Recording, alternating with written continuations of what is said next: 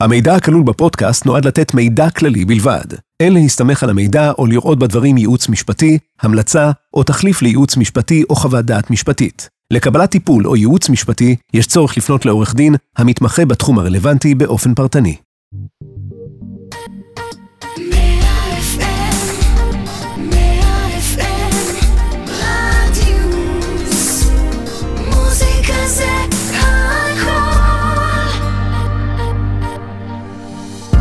בייטל המאירי, פודקאסט על דיני משפחה, נכסים והרוקנרול שביניהם. עם עורך הדין זיו בייטל ושמאי המקרקעין גלעד המאירי.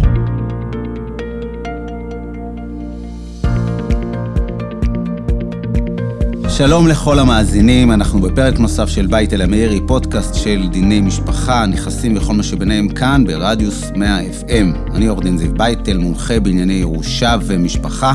אני גלעד המאירי, כלכלן, משפטן ושמאי מקרקעין.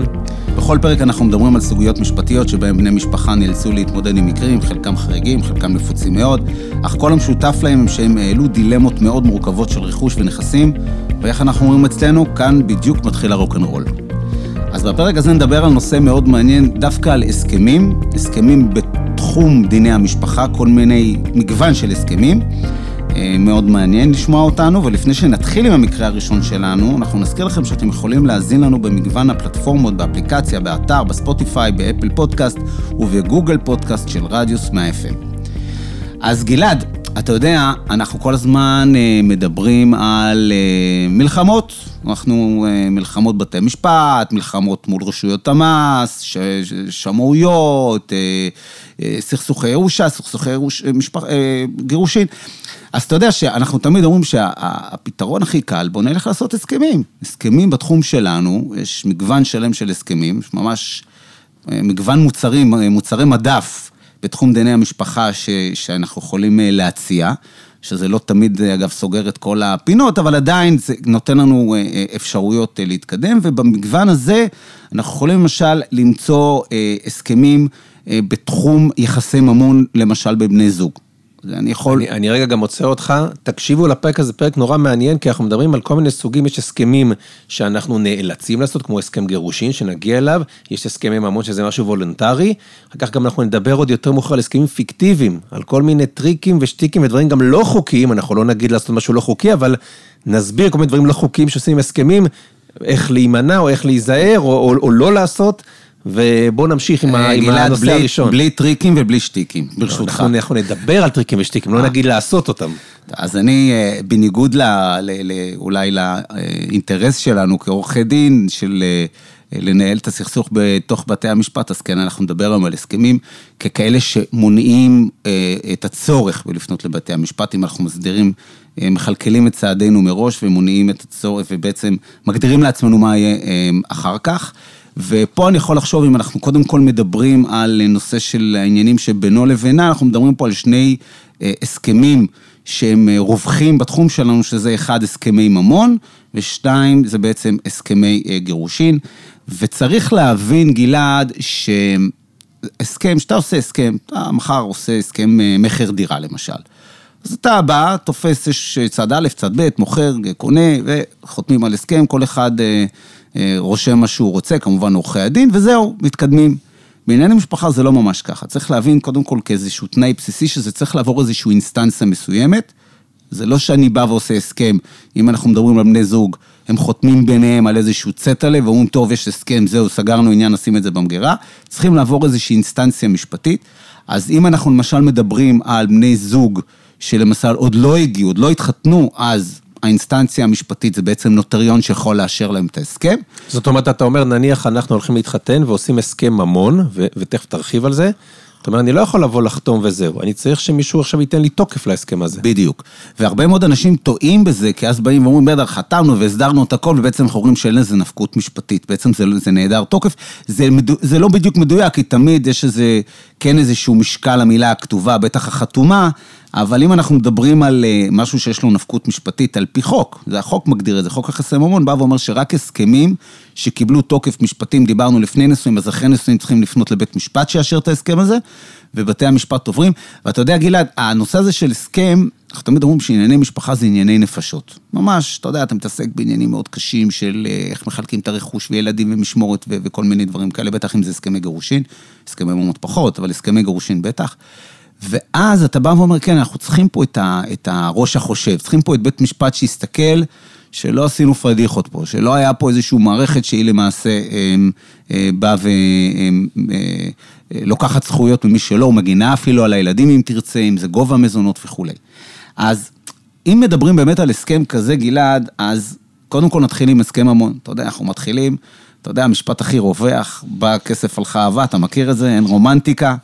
זה, זה משהו שאנחנו... זהו, בהחלט כל אחד אומר, את תנסי לי ותחתמי לי כאן וכאן. תנסי לי זה לא ותחתמי קורה לי, כל כך כן, ככה. כן, אז, אז בוא נגיד ש, שזה באמת, אנחנו לפעמים רואים את זה במשרד, זה, זה קשה, זה קשה שצד אחד הוא, בדרך כלל זה צד אחד שהוא בא, בא עם, אה, עם מערכת קצת יותר אה, כבדה אה, כלכלית, והשני הוא קצת פחות, והוא נגרר לתוך תהליך כזה, ויכול יכול אה, בן זוג להגיד, רגע, רגע, אתה לא מאמין בי? מה, אני לא בא לקחת ממך? מה, אתה, אתה כבר חושב על הגירושין? שומעים כאלה משפטים, נכון? בהחלט. אבל, אה, אבל אתה באמת צריך להבין, לפעמים אנחנו באמת מוצאים את המקום להסביר שאנחנו פשוט נותנים להם את הפוליסת ביטוח הכי טובה שיכולה להיות. אנחנו מנסים לקבוע כבר הכל מראש, ולמעשה מקדמים לתוך תהליך של הסכם ממון שמגדיר שבמהותו הוא מאוד פשוט, מאוד פשטני, שגם החוק אגב יודע להגיד, מה שבאתי לפני, אני מגיע עם נכסים, שלל נכסים מלפני הנישואים, למה שאני צריך לחלק? אני ארצה לחלק, אני ארצה לעשות משהו ביחד, אנחנו נעשה משהו ביחד, אבל אם הגעתי עם שמונה דירות, אני צריך עכשיו, בגלל שהתחתנתי, אני צריך עכשיו לתת, אה, לתת את, ה, את הדירות האלה רק בגלל שהתחתנו, אז זה, זה אחד מהדברים, ובאמת אה, אה, יש פה עניין של מערכת כזאת, אבל מילא החיים היו נורא פשוטים, גלעד. מילא היינו באים ומדברים על מערכת של הסכם, מה ששלי מלפני הנישואים שלי, ומה שאנחנו עושים בתוך התקופה היא תקופה... זה מה שבדרך כלל קורה, לא, זאת אומרת, זה, זה הסכם המון בדרך כלל, זאת אומרת, מה שהבאתי שלי, מה שייווצר זה שלנו. איפה הבעיה הלאה? מקרה שהיה כך היה, ורבים כמותו. הבאתי דירה מלפני הנישואים. דירה יפה, דירה יקרה, בצפון תל אביב, ואת הדירה הזאת שרשמתי, ואני חשבתי שהכל בסדר, ואנחנו, הכל שלה, הכל מוסדר, וחלילה וחס אם קורה משהו, זה ממשיך להיות שלי, כי כך כתבנו, והיינו אפילו אצל אדון שופט. עברנו לדירה הנחמדה הזאת. עכשיו, ברבות השנים לא שיפצנו איזה מטבח, הרחבנו את המרפסת, אפילו לקחנו משכנתה כדי לעשות את הדבר הזה, וגידלנו שם ארבעה ילדים יפהפיים, וגרנו שם 25 שנה. מה אתה אומר, גלעד? עדיין אותו בית משפט שחתם על הסכם ממון קודם, ופתאום יש מערכת שהיא טיפה שונה, יסתכל על זה באופן שונה? מה אתה חושב? א', לפי השאלה, אני מניח שכן, וואו. אבל אני אומר, אתה בעצם יוצר על מצב שמאז החתימה, משהו בהתנהגות משתנה. אנחנו איכשהו בנכס ביחד. אתה הסברת גם, או ציינת כאן שגם הייתה השקעה, נגיד, או לקחו הלוואה.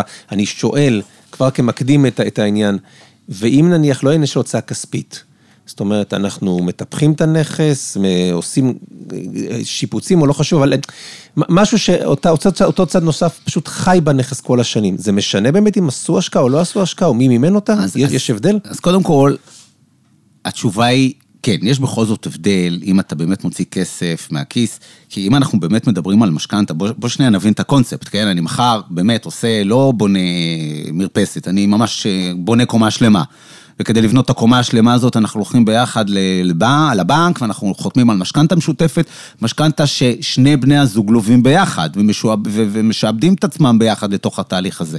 זה אגב מה שנקרא בז'רגון המשפטי, גלעד, הטמעה. אנחנו מטמיעים נכס שהגיע מלפני הנישואים, שהיה שייך ש... לאחד מבני הזוג בגלל שהוא הביא את זה קודם, אבל בגלל שנכנסנו לתוך מערכת שונה, שהיא מגדירה כאיזשהו סוג של אה, אה, אה, התנהגות מסוימת, שהיא מוכחת, שזה משכנתה, זה דו- אה, אה, דבר מוכח, אתה יכול להגיד שעשינו הטמעה לאותו נכס, ופה יש את ההגדרה הלא ברורה בין בתי המשפט השונים, דיברנו על זה בפרקים קודמים, שיש איזושהי אנומליה בין בתי המשפט, אז יש בתי המשפט שיגידו, כן, אנחנו רואים פה ממש מערכת של, נכון, זה הגיע מלפני 25 שנה, וזו מערכת של, אה, ששייכת לזה, ואולי אנחנו ניקח בחשבון רק את הכסף שניתן.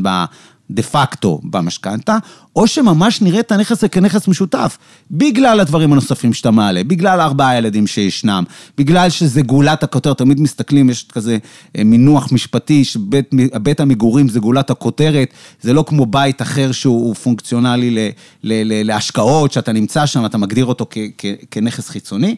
ואז בעצם אה, אה, אנחנו עושים את החלוקה הזאת, ולמעשה ההסתכלות היא, היא לא, לא בהכרח סימטרית. זאת אומרת, אבל אנחנו כן אומרים שאם יש הסכם ממון, כאשר מדובר על, מדובר על נכסים, בעיקר על בית מגורים, שבאים וגרים בו במשותף, יכול להיות שתיווצר מה שאתה כינית, או מה שהמשפט מכנה הטמעה, ואז יבואו לבן או בת הזוג ויגידו, רגע, גם לך יש חלק בדבר הזה, חלק מלא, או יחסים, לפי מידת, נקרא לזה מידת ההטמעה שהייתה. נכון. זאת אומרת, המילה הכתובה, כבודה במקומו מונח, אבל יש גם התנהגות שאחר כך. דינמיות. אז זה נושא אחד שאמרנו על נושא של אה, הסכם ממון. נכון. שהוא אמנם הסכם, ואפשר לדבר עליו הרבה, אבל לא רק מה שכתוב בו, אלא יש גם אחר כך דברים שהולכים הלאה. איזה עוד הסכמים יש לנו? ההסכם הקלאסי, הסכם גירושין. הסכמים קלאסי, ש... קלאסי, לא כל אחד יש לו את זה. הקלאסי שלוקח מאיתנו עורכי הדין את הפרנסה.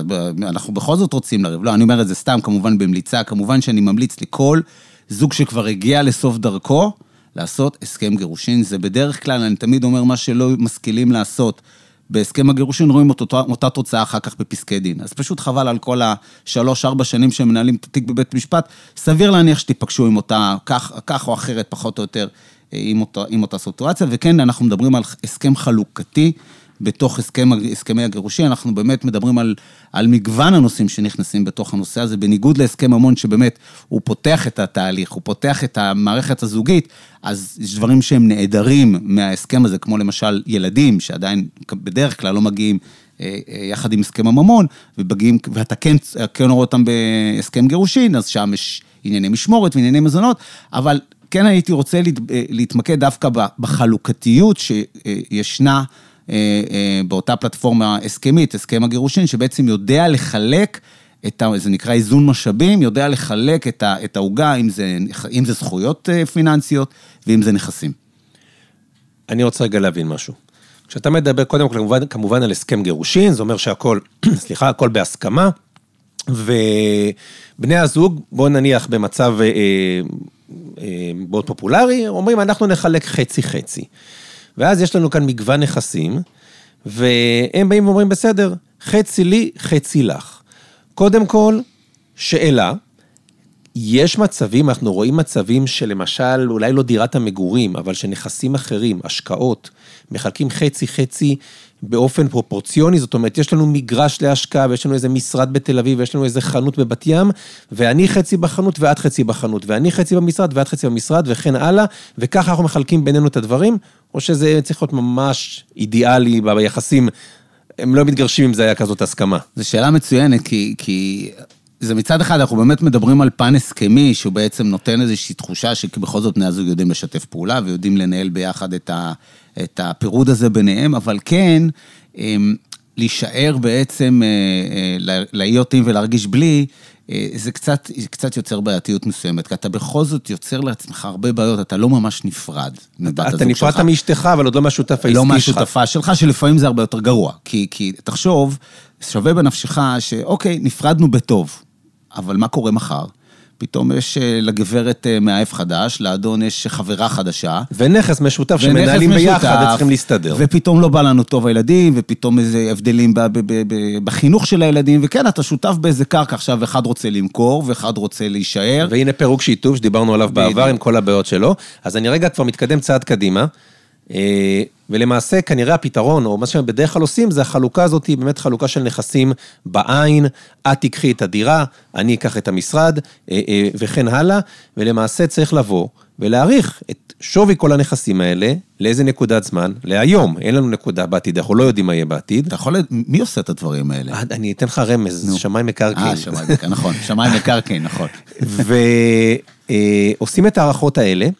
ולשים טוב לב, אנחנו חוזרים את זה הרבה פעמים, אה, אה, פעם אחר פעם אחר פעם, לשים לב גם לענייני מיסוי במכירה, לא, עזוב רגע על אירוע המס, האם יש היום או אין אירוע מס בחלוקה, תכף נציין על זה משהו, אבל אם אני קיבלתי דירה ואתה קיבלת משרד וכל אחד שווה שלושה מיליון שקלים, אבל מס השבח בעת מכירה יהיה שונה, או היטל ההשבחה, אז אנחנו לא קיבלנו את אותה תמורה בעצם לכיס. מה עושים עם זה?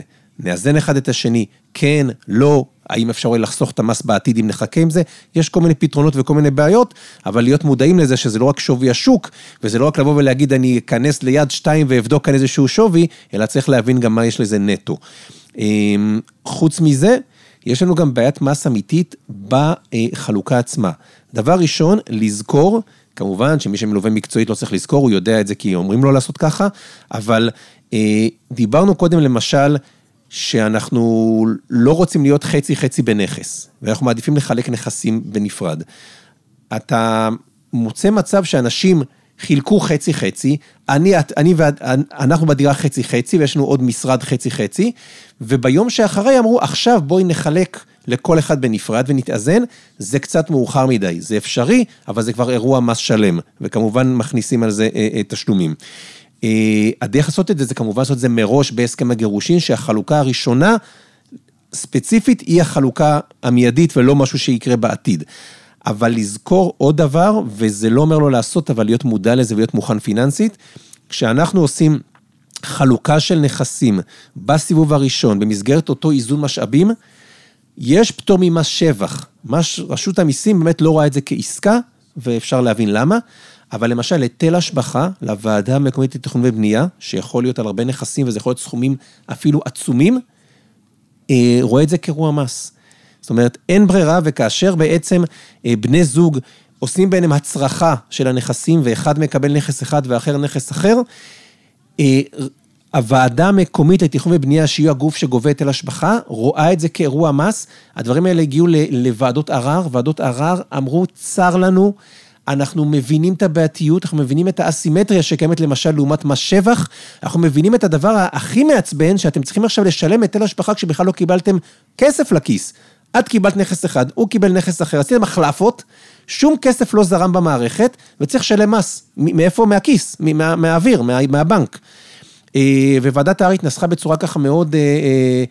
מבינה ואומרת, אני מבינה את הבעייתיות, אבל אין לי מנוס, החוק, החוק לא נותן לי פתרון אחר, וזה המצב החוקי כיום. אז לשים לב שכאשר עושים את החלוקת נכסים, צריך לעשות אותה, אבל לבוא עם מוכן פיננסי, צריך אולי לבוא ולגייס כסף לתשלומי מיסים בדברים האלה. אז אה, לבדוק את זה מראש.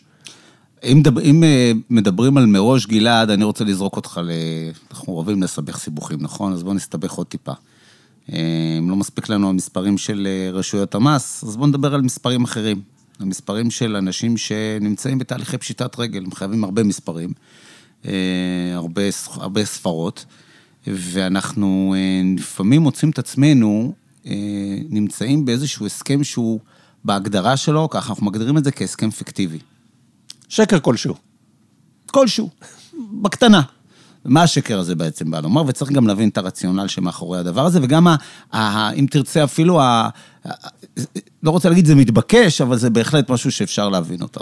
רגע, אני רק מדגיש למאזינים, אנחנו עכשיו יכולים לדבר על הסכם פיקטיבי, לא בואו תעשו הסכם פיקטיבי, אלא בואו תבינו סיטואציה שקורית, שאנשים עושים, ותבינו שזה לא חוקי, ואת הבעייתיות בדבר הזה, ובכלל בואו נבין רגע את המציאות שמתרחשת כאן. טוב, עשית ספוילר, אבל כן, בהחלט, השורה התחתונה היא בהחלט נכון, אנחנו אוהבי, אוהבים אה, תמימי דרך ללכת בדרך הישר, וכן, הסכמים פיקטיביים, אבל, אבל בואו נבין רגע את הרעיון, כי פה, יש פה מערכת שהיא קצת אה, בעייתית. מערכת, בעצם איזשהו סוג של בעיה משפחתית עם בעיה אה, פיננסית משפטית.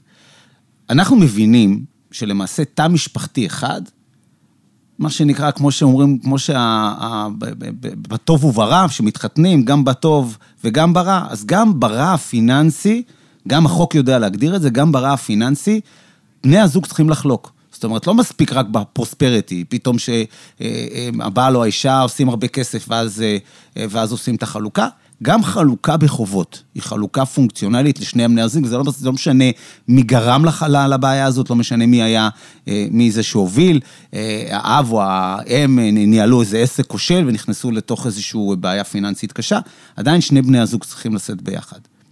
וכשאנחנו מדברים על מערכת כזאת שפתאום מכניסה, מזמינה אה, לעצמה צידי ג' שפתאום הם הנושים, פתאום, פתאום נכנסים לאיזשהו תהליך של, הליך של אה, אה, נשייה, של אה, אה, הליך פשיטת רגל שיכול פתאום להתאבות בגלל אה, כישלון פיננסי כזה או אחר. לפעמים אתה רואה את בני הזוג באים ואומרים, רגע, בוא נציל מה שאפשר להציל. בוא נראה איך אנחנו מגינים על המשפחה הקטנה שלנו מפני אה, מחפשי רעתנו, מפני אותם, אה, רחמנא ליצנן, בנקים או whatever. אתה מדבר בעצם על מצב שאני, אחד מבני המשפחה, אחד מבני הזוג, אולי אפילו שניהם, אה, לקח הלוואה. ההלוואה, הלווה, זה מישהו ספציפי, הבעל נניח. הוא שיאבד נכסים, או שיש זכות ללכת ולקחת לו מהנכסים שלו, ובעצם הוא עכשיו בחובות ומפחד, בצדק, שילכו וימכרו את הנכסים. אותם נכסים משותפים. נכון. כאשר הם, הם בהכרח משותפים ברישום, או שזה לא משנה? הוא אומר, אז... אני, הם לא משותפים, הם שלי רשומים עליי, אבל הם חלק מהשיתוף המשפחתי. נכון. אז תראה, אז קודם כל, צריך להבין, קודם, אם זה שעבוד, אז שעבוד, זה שעבוד גובר, זאת אומרת, אי אפשר לעשות הרבה. אנחנו מדברים על מצב שבו כצופה פני עתיד, אותו בעל בא ואומר, רגע, רגע, אשתי היקרה, עוד שנייה מתדפקים על הדלתות, הדלתות שלנו, נושים הרבה, בואי נעשה רגע איזושהי מערכת שאני מעביר את הכל אלייך. שאף אחד לא יוכל לבוא, אף אחד לא יכול לגעת בך, יכולים לגעת בי. עכשיו, הוא לא יכול סתם להעביר מתנות, כי אז יגידו, בוא, זה חרטה ברטה, ואנחנו גם יודעים שהרי מתנה, אנחנו יודעים שהרי דברים שמועברים בבני זוג הם לא בדיוק מרשימים מישהו. בואו נעשה את זה במסגרת הסכם גירושין פיקטיבי, אף אחד לא שומע. הסכם גירושין פיקטיבי. הסכם גירושין שלמעשה הוא לא ממש אמיתי. הוא הסכם שאנחנו לכאורה ממשיכים לאהוב אחד את השני, אבל מבחינת כולי עלמא, אנחנו התגרשנו. כאילו התגרשנו. כאילו התגרשנו. אז בואו נבין כמה דברים. קודם כל, הבנקים לא טיפשים. וכבר הם למדו להבין שיש את ההסכמים האלה. הם גם למדו להוציא חוקרים פרטיים, גלעד, כדי לראות האם בני, באמת בני הזוג האלה גרים ביחד. אנחנו כבר רואים שראינו בכל מיני דוחות חקירה, הצדדים עלק התגרשו, אבל הם אה, עדיין הולכים לישון ביחד באותה מיטה, הם לא נכנסים למיטה, אבל יודעים באמת לראות שהבעל עולה הביתה ויורד בערב, אה, ובבוקר הולך לעבודה, ולכן המקומות האלה הם כן מדמים עד כמה, הזוגות האלה מדמים עד כמה שאפשר את, הסכמי, את ההסכמים הפיקטיביים האלה, ואז יכול לקרות דבר נורא מעניין. בוא נגיד שהם הצליחו להוציא את הרעה הזאת והצליחו לשכנע, וגם הבנקים לא ממש מוותרים כל כך בקלות, ולפעמים תוקפים גם את האישה, ומנסים להגיד, לא הצליחו, לא הצליחו לגעת באותו נכס, כי הוא יד, ידעו לעשות בני הזוג הזה עוד מבעוד מועד. אני רוצה רגע להבין את הסיטואציה עוד הפעם. יש לנו חובות, חובות במשפחה, חובות של לא, הבעל. חובות של הבעל. הבעל, חובות סליחה, של הבעל. חובות של מישהו אישית של הבעל, והוא אומר, בואי אני אעביר לך את הנכס, אנחנו נתגרש כאילו, את תקבלי את כל הנכס לבעלותך, נכון. במסגרת הסכם הגירושין שלנו. ושיחפשו אותי, אין מה לקחת ממני, כי לא נשאר לי כלום. במסגרת הסכם הגירושים הוולונטרי שלנו, שזכותנו לעשות בכל רגע, החלטתי שאני נותן לך את הכל. אני רוצה שקט, רוצה את הכל, קחי את הכל, וזהו. ועכשיו, בהנחה שהחוקר הפרטי לא עלה על כלום, ואף אחד לא יכול להגיד כלום, אז אי אפשר לגעת בנכס, ואני... חופשי ומאושר, אי אפשר למכור לי כלום, הצלתי את הנכסים. נכון, זה הצל... היה הרעיון. הצלתי את זה לטובת המשפחה, שבעצם זה נשאר אצלי, ו... אל תשכח שגם יש עוד גורם אחד שאפילו נתן לזה את הגושפנקה המשפטית. אתה זוכר מי, מי, מי נותן? מי עוד? בית משפט. בית משפט. זאת אומרת, אין חזק מזה, זה לא עוד פעם איזה הסכם ששמנו במגירה. בית משפט היה איתנו באותו מעמד, היה השושבין לאותה אה, מערכת הסכמית. ואתה מכיר את המשפט הזה, רחוק מעין, רחוק מהלב? ו- ומה זה קשור כאן? מה זה קשור? אותו בעל שבעצם הלך ונאלץ לא להיות בבית, ובעצם נמצא כבר, אה, בגלל שיש חוקר פרטי, אז כבר החיים כבר לא חיים זוגיים. ואז באמת הבני זוג מתגרשים. אתה אומר, הוא, הוא, הוא העביר להם כל הנכסים, הם משחקים אותה גרושים, והמשחק הצליח יותר מדי. הצליח יותר מדי, כן, הניתוח הצליח, והחולה מת, מה קרה? הם באמת התגרשו, כי פתאום אה, כבר לא נמצא לידה במיטה, או היא לא, נמצא, היא לא נמצאת לידו. ואז, מערכת זוגית, ואז אותו אחד שבעצם נתן את כל אה, נכסיו לצד השני, בא ומתעורר, רגע, רגע, זה היה פיקטיבי, רגע, פוס, לא התכוונו, אה, אה, איך אמרו, איך אמרנו שהיינו ילדים? עם חרטות, אני מתחרט, אני לא רוצה, אני, אני רוצה להחזיר לך את הגלגל, אנחנו עבדנו על כולם, זה שלי, מה, יש חוק יחסי ממון, זה גם נכס שגם אני צברתי, זה לא באמת נתתי. הוא, בעצ... הוא בעצם פונה לבית משפט, הוא, הוא בא ואומר, אנחנו מדברים סיטואציה שאותם זה הצליח להם, זה הצליח עד הסוף, אבל הכאילו הזה, מתי שהוא הפך למציאות, ואז אותו צד שבעצם העביר את הכל בא לבית משפט ואומר, אני לא התכוונתי, עזבו, זה לא היה אמיתי, בואו, תגנו עליי עכשיו. ואז מה אומר לו בית משפט? מה אתה חושב שהוא יגיד לו?